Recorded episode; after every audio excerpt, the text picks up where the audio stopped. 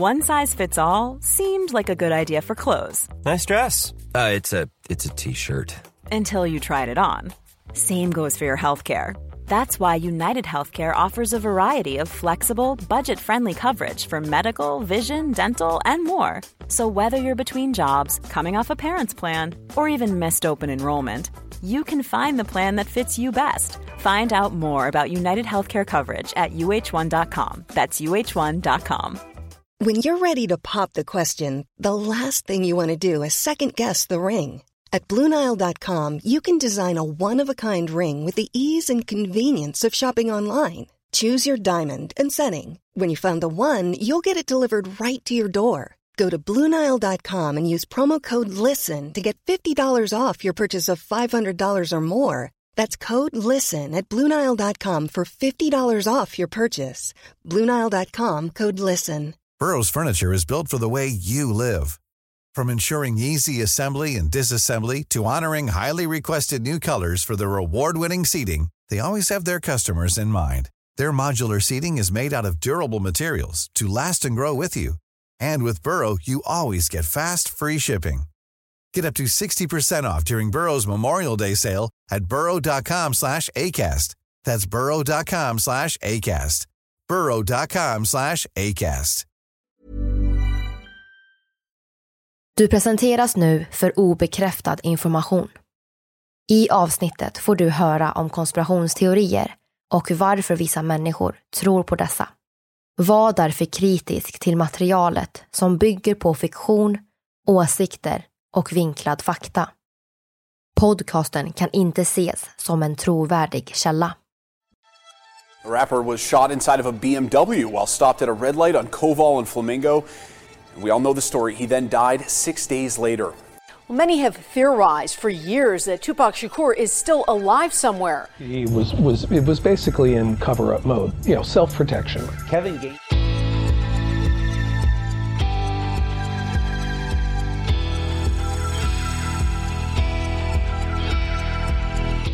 Det här är podden för dig som är intresserad av en annan version av verkligheten. En version som tar upp alternativa teorier, mystiska sammanträffanden och diskussioner om vad som kan vara sant. Mitt namn är Vivi. Och mitt namn är Aida. Och det här är konspirationsteorier.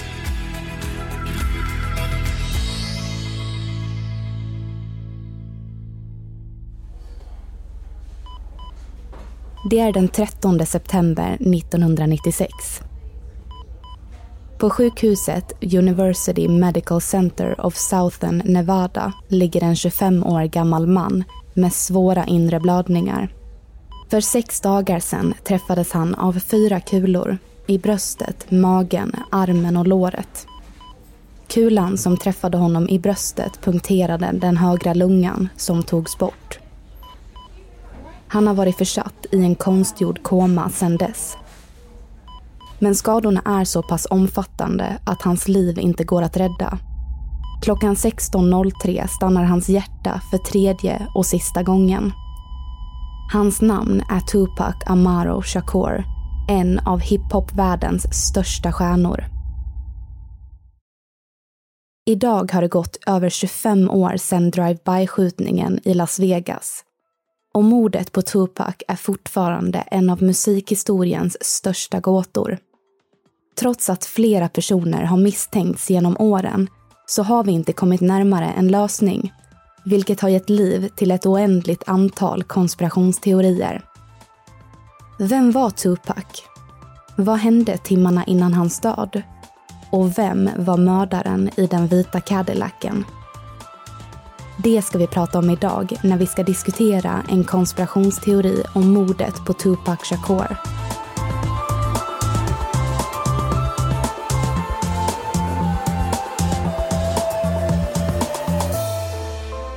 Det här är podden för dig som är intresserad av en annan version av verkligheten. En version som tar upp alternativa teorier, mystiska sammanträffanden och diskussioner om vad som kan vara sant.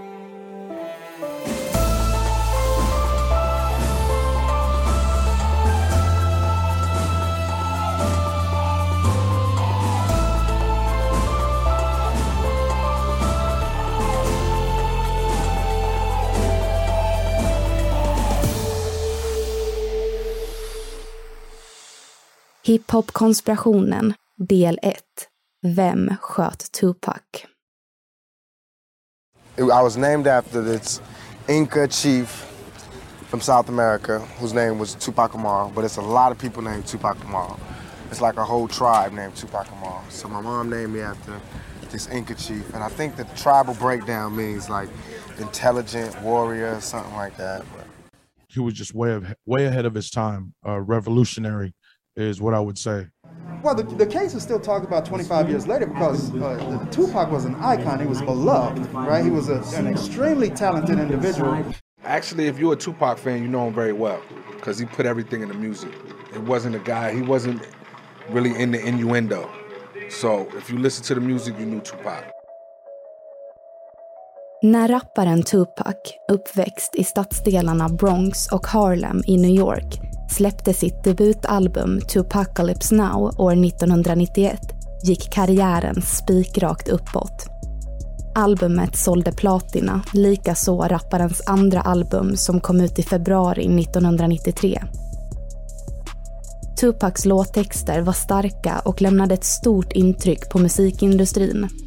Han skrev om fattigdom, drogmissbruk, rasism, diskriminering och våldet i storstäderna. Av många anses han ha varit den största rapmusiken och textskrivaren någonsin. Vi kommer att inleda dagens avsnitt med en händelse från november 1994. En händelse som kommer att inleda ett långdraget hiphopkrig. Det är känt att Tupac Shakur hade en långdragen fejd med rapparen The Notorious B.I.G. Även känd som Biggie Smalls. Och ja, det kanske är den mest återberättade fejden någonsin i hiphop-historien hittills. Westside mot Eastside. Västkusten mot östkusten. The Notorious B.I.G. mot Tupac. Men det var inte alltid så. De båda var från New York, 24 och 25 år gamla. Båda uppväxta med ensamstående mammor. Pac was almost like mentoring Big in the beginning. To understand Big and Tupac is really to watch this kind of Gemini quality. You know, they were both uh, Geminis and they attracted each other, and then, of course, you know, it repelled. Pac was a year older, but essentially the thing was was that they both identified with lack of central father figure, being hot MCs at the same time, naturally intelligent, both in the street sense and in book sense, because both were well read. Um, they just had a lot of fun around each other. De var vänner, i alla fall fram tills den 30 november 1994. Samma dag var Tupac i New York. Han hade fått en förfrågan om att gästa en låt åt Little Sean och eftersom att han var i behov av pengarna så åkte han till Quad Studios på Times Square. Det gällde en vers och han skulle få 7000 dollar. We was on the eighth floor and um, me and Nino just went outside to go smoke real quick and just, you know, kick it. And I seen Pac walking up the block. And I just started yelling down at him, like, yo, the C's, come around the corner, I'm gonna come downstairs and get you. And that's how I went. I walked back, I came back in the room and I told Big, I'm like, yo, Big, Pac downstairs. He's like, yo, go downstairs and get him. Tupac gick in i lobbyn och mot hissen. Men tre män hade följt efter med pistol. De ville sno hans smycken, men Tupac vägrade och gjorde motstånd. Tupac Shakur and three of his group were robbed. He was shot numerous times, at least twice in the head, once in the left arm, once in the thigh, once in the groin. He come out, look around, stick up the middle finger. They put him in the ambulance. And we was just curious, like, what was that supposed to mean? Like, was that middle finger to us? Det kanske bara var ett rån. Men Tupac, som bar sin Rolex, trodde verkligen inte det. Han var paranoid. Om det var ett rån, varför snodde de inte hans klocka? Varför sköt de honom fem gånger? Han var övertygad att rånet på Quad Studios egentligen handlade om ett planerat mordförsök.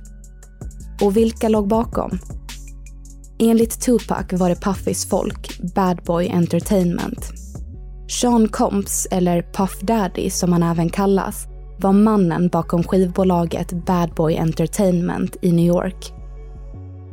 Och under kvällen befann sig Puffy, som var producent åt rapparen Biggie Smalls på Quad Studios. De höll på att spela in en ny låt i studion, bara några våningar över lobbyn där Tupac rånades och sköts. I was the truest nigga involved with Biggie's success. I used to stop my shows, let him blow up and do his whole show. I used to share my experiences in the game with him. He went upstairs to the studio. And he sees Puff and Big. So Pac goes off. And he says, You set me up. From Tupac's perspective, he said nobody would look him in the eye, and that the people that were upstairs must have known that he was going to be ambushed and robbed. And so he basically accused all the people in that room of being part of the conspiracy. Han ville inte stanna kvar på sjukhuset. Någon kanske skulle försöka komma tillbaka för att, ja, avsluta jobbet. Så bara tre timmar efter operationen skrev Tupac ut sig själv från sjukhuset. Läkarna avrådde honom starkt. Han hade blivit skjuten och behövde vila.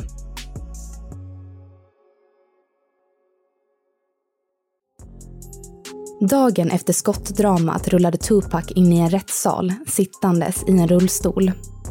Han, tillsammans med tre andra män, stod åtalade för att ha sexuellt förgripit sig på en 19-årig kvinna.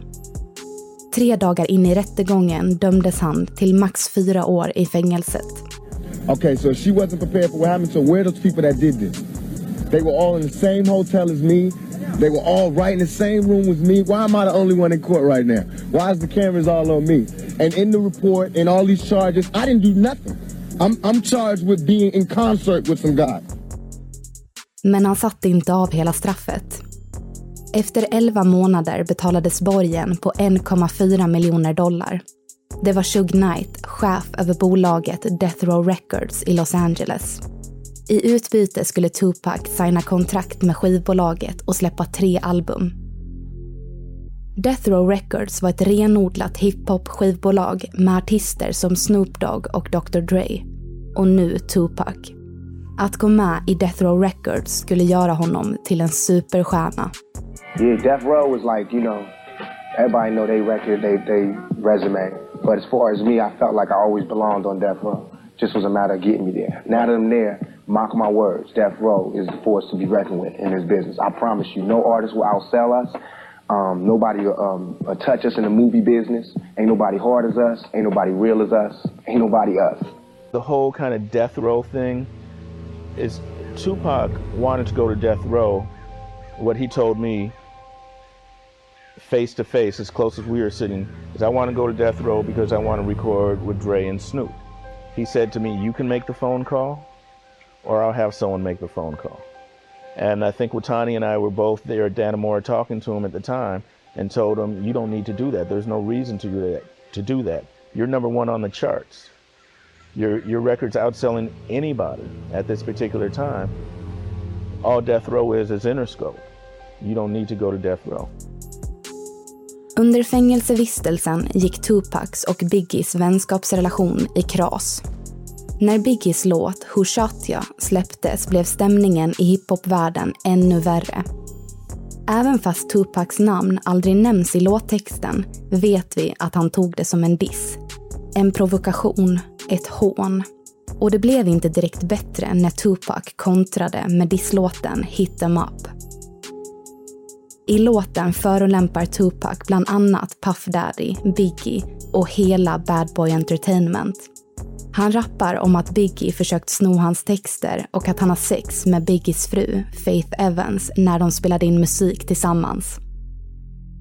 Den brutala låten beskrivs fortfarande som den förmodligen bästa disslåten någonsin. Hiphopvärlden förändrades drastiskt och det laddades in i en väst och östkust. Varsin sida, varsina läger med artister, branschfolk och fans. Västkustens Death Row Records mot östkustens Bad Boy Entertainment. Source Awards 1995. Shug Knight går upp på scenen klädd i en röd piké, Bloods signaturfärg. And one other thing I'd like to say, any artist out there want to be an artist and want to stay a star, and don't want to, don't want to have to worry about the executive producer trying to be all in the video, all on the record, dancing. Come to Death Row.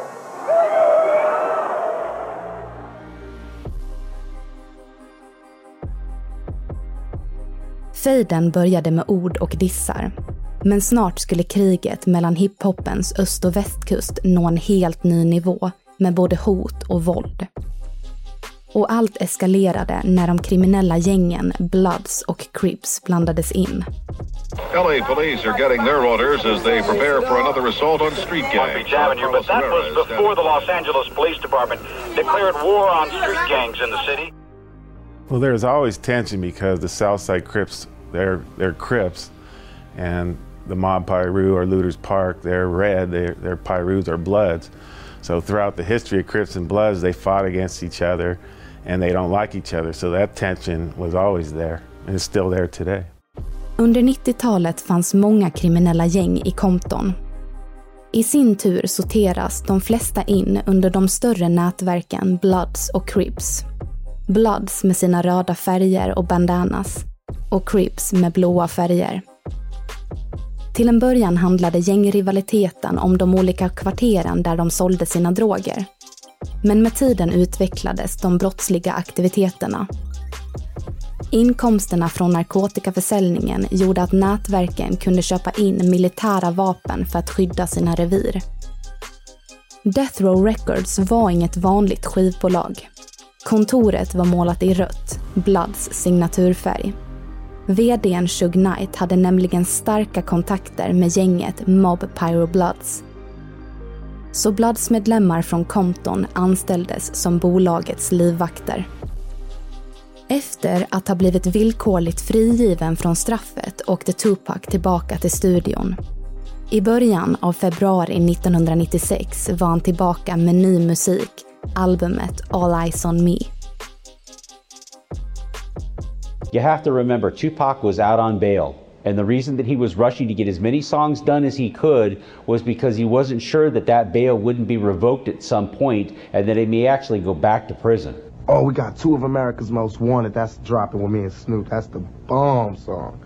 That's the bomb song because you know me and Snoop are two of America's Most Wanted. They, every every time they talk about bad rap or violent, bad boys of rap, whatever, they always say me and Snoop. So we did a song together, like answering that. It's the bomb song. Now, where did you get all this material from? I heard it's like 28 songs on the album. What's up? And I didn't write near one of them in jail. What? All of them came. As soon as I got out of jail, I went straight to the studio. He was not a gangster. Not one day in his life, not even the day in the MGM when he stomped whoever the hell that was on the floor. Vi är framme vid lördagen den 7 september 1996. Under morgonen lämnar Tupac sitt hem i Los Angeles för en bilresa till Las Vegas. Några timmar senare sitter han på hotellet Luxor. Efter några drinkar i baren och en vinst på nära 60 000 dollar på hotellets kasino är han redo att se den efterlängtade boxningsmatchen mellan Mike Tyson och Bruce Seldon. We go with the main event of the evening, champion versus champion. And now, ladies and gentlemen in attendance, boxing fans joining us around the world, it's showtime! Det är smockfullt på kasinot på MGM Grand Hotel i Las Vegas där kvällens VM-match i tungvikt går av stapeln. Och längst fram i publikhavet, närmast ringen, sitter rapparen Tupac och hejar på sin vän Mike Tyson som ska göra sin comeback. Bredvid sitter managern Shug Knight och två andra ur gänget Bloods. Det blir en riktigt kort match. De hinner knappt slå sig ner innan den är över. På mindre än två minuter har Mike Tyson besegrat Bruce Seldon med en rejäl vänsterkrok. Ladies and gentlemen, we have the time of 1 minute 49 seconds of round number one. A referee in charge, Richard Steele, stops the contest. The winner by way of technical knockout is the WBC heavyweight champion and the new WBA heavyweight champion of the world, Iron Mike Tyson. Innan Tupac och hans manager Shug Knight lämnar MGM går de ner till Mike Tysons loge för att gratulera honom till vinsten. Boxaren och rapparen, som är nära vänner, bestämmer att de ska mötas upp senare under kvällen på nattklubben Club 662 på East Flamingo Road, där Tupac skulle ha en spelning. Att uppträda på klubben räknas som samhällstjänst som en del av hans villkorliga dom. När Tupac, Knight och de andra går tillbaka upp till lobbyn får en i sällskapet, Bloods-medlemmen Trey Lane, syn på en medlem i det rivaliserande gänget Southside Crips. 21-åringen Orlando Anderson, även kallad Baby Lane, står och hänger vid hissen. Några månader tidigare hade Orlando Anderson tillsammans med flera andra Cribs-medlemmar hoppat på Trey när han var på Lakewood Mall inne på skoaffären Footlocker och försökt sno hans kedja med ett guldemblem med Death Rows logga. Hotellets övervakningskameror fångar hela händelsen på film. Vi vet inte vad Trey säger till Tupac, men en hypotes är att han berättar att mannen vid hissen var en av männen som försökte sno hans kedja. Plötsligt går Tupac med bestämda steg mot mannen och bara sekunder senare faller Orlando Anderson ihop på marken. Ett slagsmål bryter ut.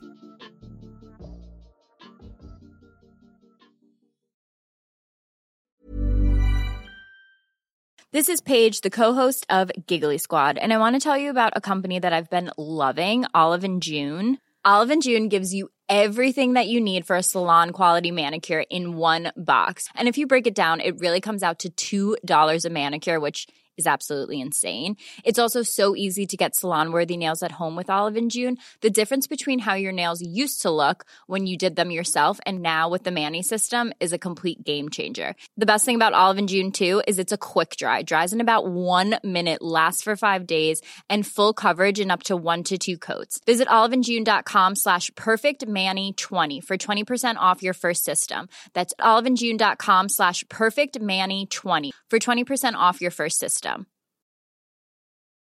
Millions of people have lost weight with personalized plans from Noom, like Evan, who can't stand salads and still lost 50 pounds. Salads, generally, for most people, are the easy button, right? For me, that wasn't an option.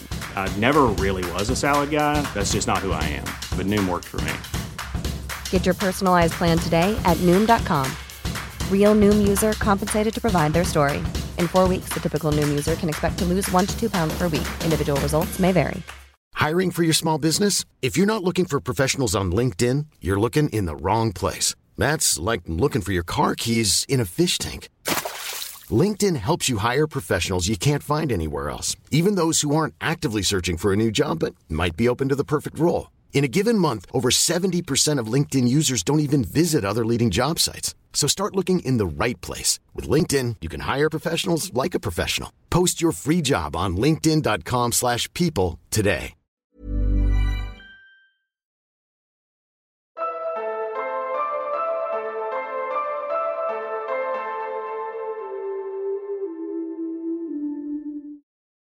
At this time, Pac's medallion broke. When he reached down and grabbed the medallion, I grabbed him and got him out of the fight. By the time the entourage who was behind me had gotten there, the footage that is from the MGM everyone sees, Orlando Anderson is on the ground and everybody's kicking at him, beating him down or whatever. Because I knew the way through the MGM because I was in the MGM walking around earlier looking for everyone.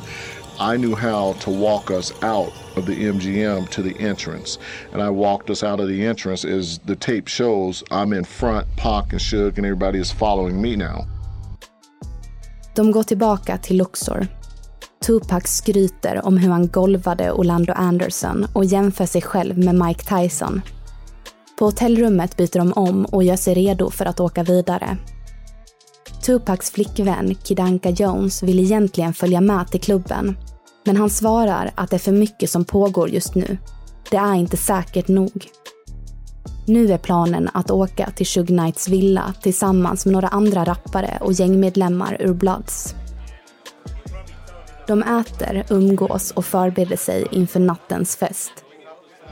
Men under de cirka 30 minuter som de befinner sig i Knights villa så håller sig managern och Tupac för sig själva. Vad de pratar om vet vi inte. Kanske handlade det om spelningen, om bilfärden till klubben eller något helt annat. När det väl är dags att åka mot 662 hoppar Tupac in på passagerarsidan i Shug Knights bil, en svart BMW.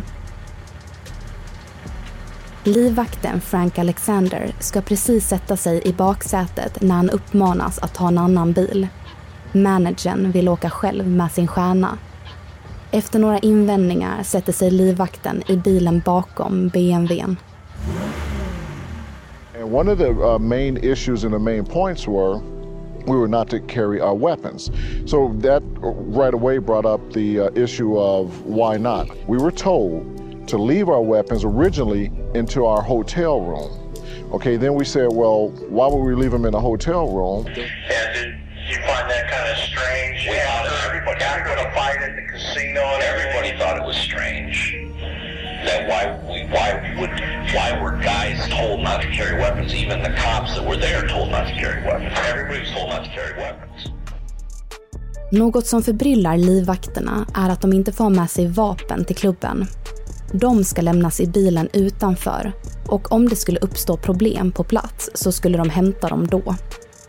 Och när Tupac blir ombedd att ta på sig sin skottsäkra väst, som han i princip alltid bar på sig efter rånet på Quad Studios, så svarade han att det skulle bli för varmt. BMWn rullar iväg mot klubben följt av det resterande skivbolagsfolket i en karavan på fem sex bilar.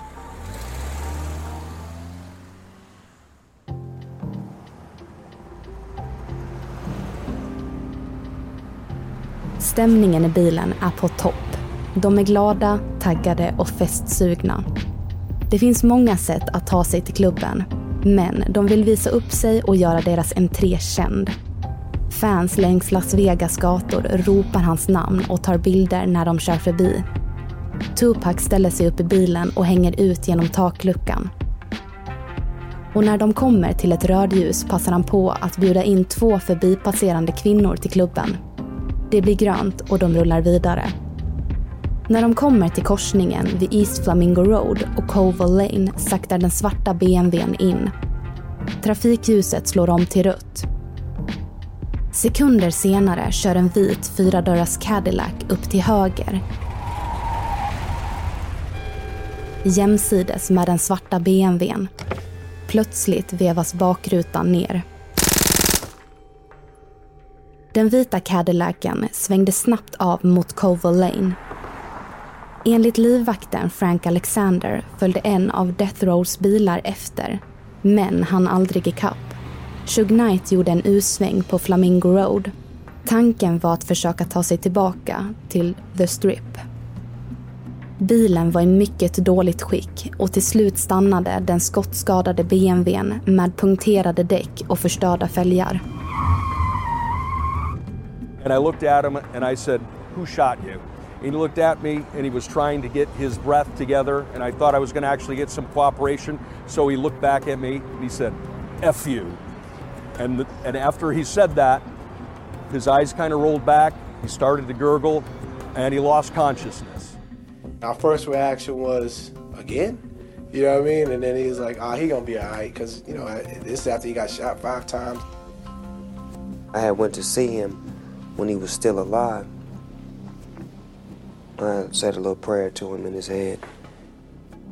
25 år senare har vi fortfarande ingen aning om vad som hände den natten.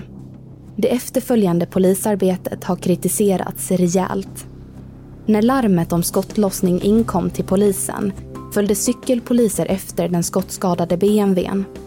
Brottsplatsen lämnades därmed obevakad i ungefär 30 minuter.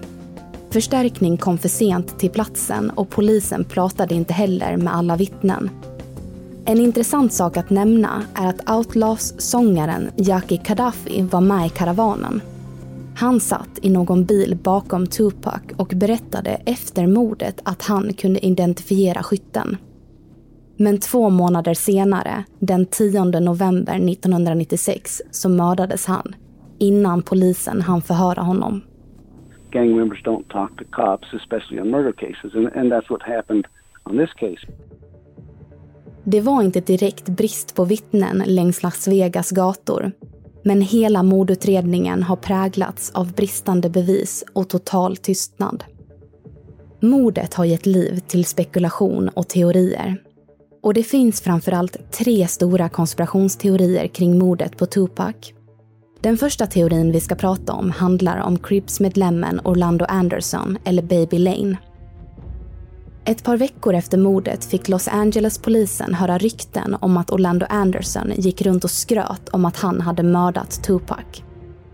När polisen tog del av övervakningskamerorna från lobbyn på MGM började de bygga ihop en hypotes kring vad som kan ha hänt.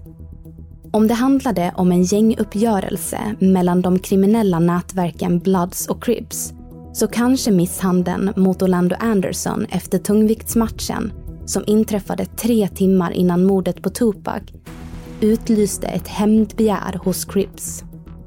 På tre timmar hinner man göra mycket. Kanske planera ett mord, hämta vapen och åka mot klubben. Kan det vara så att Crips och Orlando Anderson planerade att mörda rapparen på Club 662? Förändrades kanske planen när de fick syn på den svarta BMWn med Knight och Tupac? Något som är intressant att nämna är att polisen gjorde en husrannsakan hos Orlando Anderson efter Tupacs mord, där de fann en automatkarbin, ett maskingevär och ammunition av samma kaliber som Tupac träffades med. De hittade en Glock vilket var just det vapen som Tupac blev skjuten med. En månad efter mordet häktades Orlando Anderson. Inte för mordet på Tupac, utan för ett annat mord. När polisen då förhörde Anderson gav det inte direkt mycket. Det sägs att det var ett slappt förhör. De kunde inte koppla honom till något av morden, så han släpptes. Bevisen läcktes till pressen. Trots att Anderson var fri från anklagelserna så var det många människor som såg honom som mannen som sköt Tupac. Men var han det? Polisen hann bara förhöra honom en gång då Orlando Anderson mördades i en gänguppgörelse den 29 maj 1998.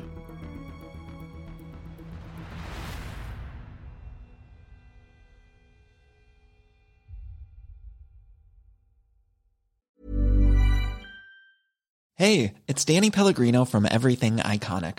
Ready to upgrade your style game without blowing your budget? Check out Quince. They've got all the good stuff shirts and polos, activewear, and fine leather goods, all at 50 to 80% less than other high end brands. And the best part? They're all about safe, ethical, and responsible manufacturing. Get that luxury vibe without the luxury price tag. Hit up quince.com slash upgrade for free shipping and 365 day returns on your next order. That's quince.com slash upgrade. Planning for your next trip? Elevate your travel style with Quince. Quince has all the jet setting essentials you'll want for your next getaway, like European linen, premium luggage options, buttery soft Italian leather bags, and so much more. And is all priced at 50 to 80% less than similar brands. Plus, Quince only works with factories that use safe and ethical manufacturing practices. Pack your bags with high-quality essentials you'll be wearing for vacations to come with Quince. Go to quince.com/pack for free shipping and 365-day returns.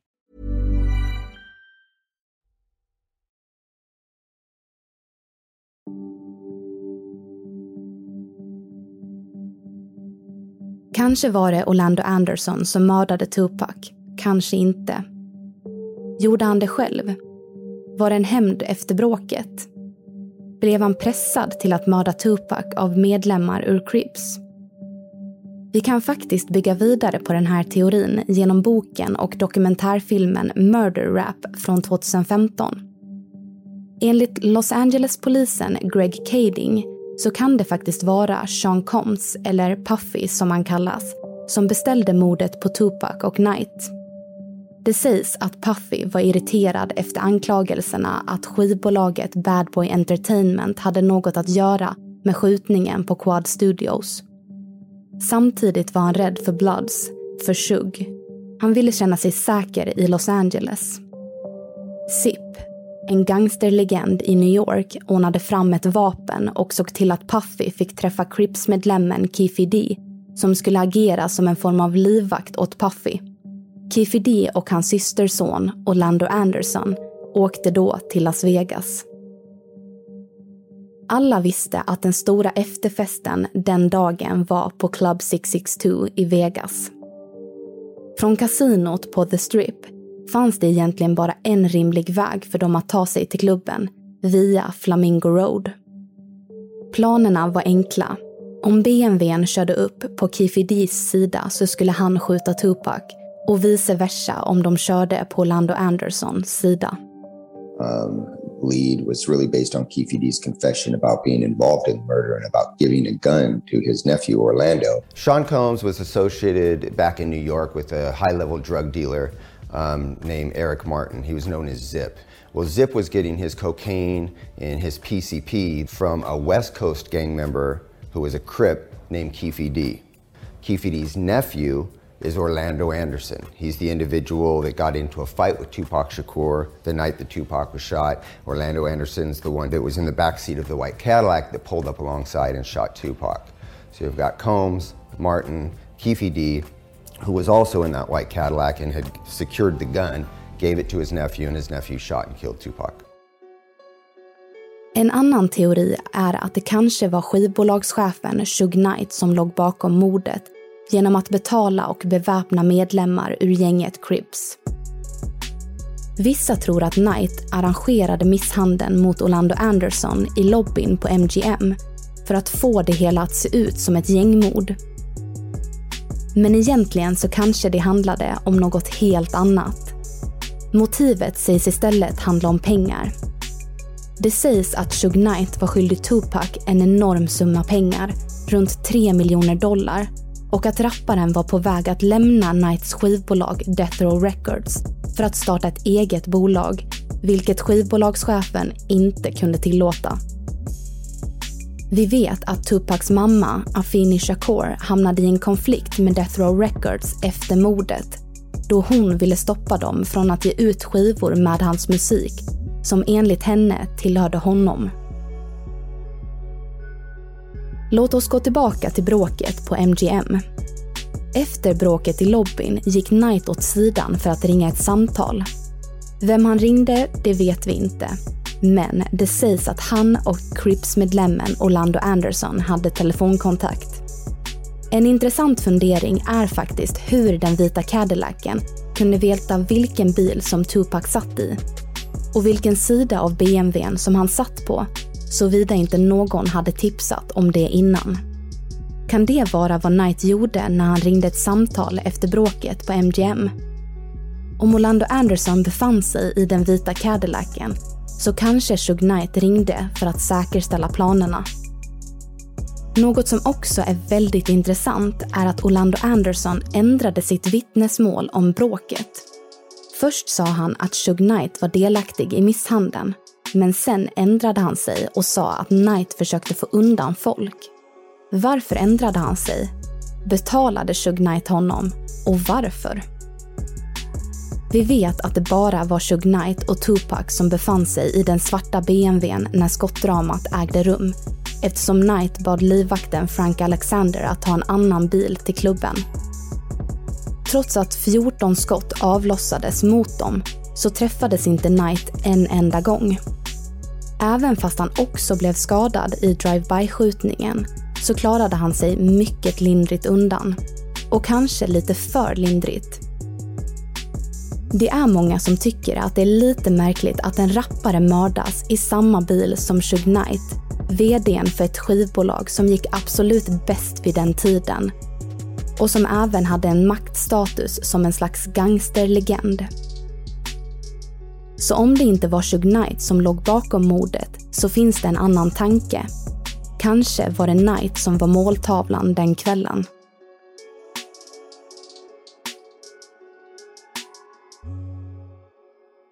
En annan teori kring mordet är att det helt enkelt inte inträffade. Tupac dödsförklarades eftermiddagen den 13 september 1996. Men sedan september 1996 har allt fler och fler fans tvivlat på att Tupac är död. Och enligt The Seven Day Theory så kanske han inte dog alls.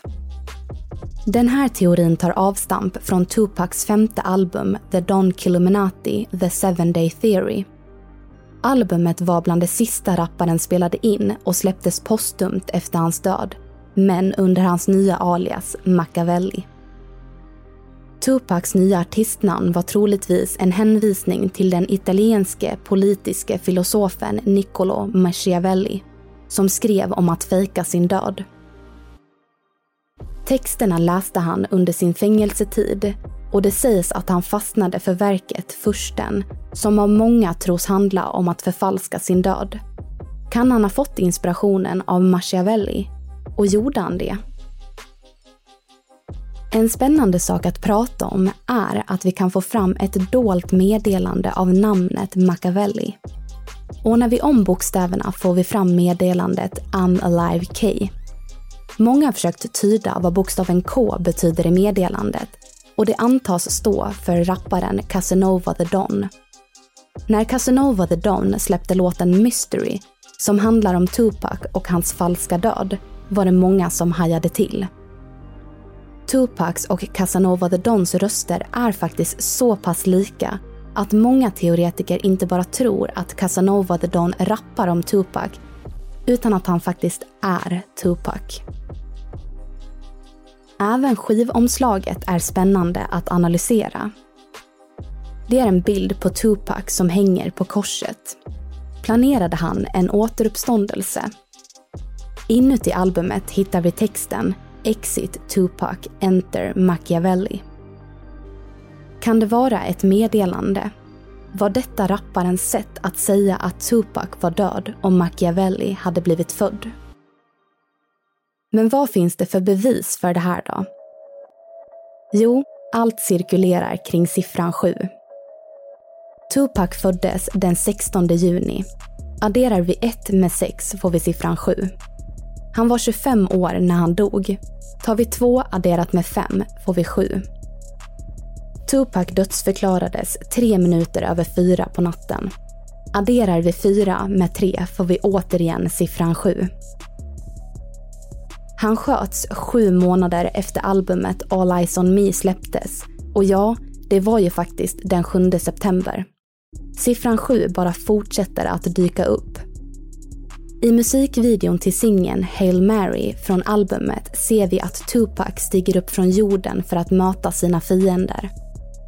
En intressant sak med låten är att det sägs att någon viskar “You think I'm dead” några sekunder in och Tupac svarar något högre, “Wait seven years”. Och det är kanske just det som The Seven Day Theory går ut på. Efter sju år skulle han komma tillbaka, starkare än någonsin. Shug Knight berättade i dokumentären American Dream, American Nightmare att han och Tupac pratat om att rapparen ville fejka sin död. Och det finns många som sägs ha sett rappikonen på olika platser runt om världen efter hans påstådda död. Vissa tror exempelvis att han befinner sig i Mexiko, Denver, Boston eller kanske till och med i Sverige.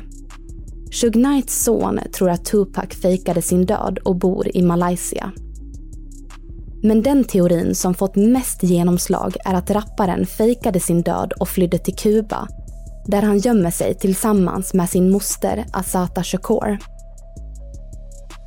Asata Shakur, som tidigare var medlem i Svarta Pantrarna, blev anklagad under 70-talet för att ha mördat en polisman i New Jersey. Några år senare flydde hon från fängelset och har sedan 2013 varit med på FBI's lista över Most Wanted Terrorists. Men är hon verkligen skyldig? Nu bor hon på Kuba som politisk flykting då de inte ansåg att hon fått en rättvis rättegång i USA. Och kanske har hennes brorson gjort henne sällskap. Har han också valt att gömma sig på Kuba? Och hur gjorde han i så fall för att fejka sin död? Jo, det sägs att när Tupac kom till Las Vegas lördagen den 7 september 1996 så fick han faktiskt reda på att någon planerade att mörda honom. Han hade lämnat sin skottsäkra väst hemma i Los Angeles så för att vara på den säkra sidan tog en dubbelgångare plats i Shug Knights BMW. När skottdramat ägde rum senare under kvällen kunde Tupac fly i lugn och ro från stan. Om det här inte låter speciellt övertygande så finns det även en hel del frågetecken kring den rättsmedicinska rapporten.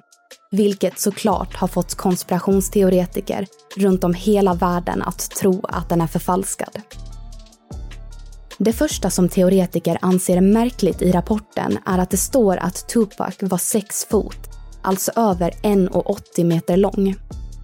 Men på det körkort som han tog bara några månader tidigare står det att han var 1,77. Likaså gäller vikten. Enligt den rättsmedicinska rapporten står det att Tupac vägde 215 ips, runt 97 kilo, medan körkortet säger 76 kilo. Handlar det om slarvfel? Eller kan det vara så att det faktiskt inte alls var Tupacs kropp? Vi vet att när Tupac var inlagd på sjukhuset så var det enbart hans mamma, några nära vänner och personalen som fick besöka rummet. Kort efter hans död kremerades kroppen. Vissa säger att det var så sent som 24 timmar efter. Andra säger att det var så tidigt som 12 timmar efter. Det var en privat ceremoni som sägs ha bekostats av vdn för Death Row Records, Shug Knight, för 3 miljoner dollar. Det sägs alltså att det bara var Knight och personalen som utförde den rättsmedicinska rapporten som såg kroppen. Och märkligt nog ska personen som kremerade honom ha gått i pension, försvunnit och har varken setts eller hörts från sedan dess.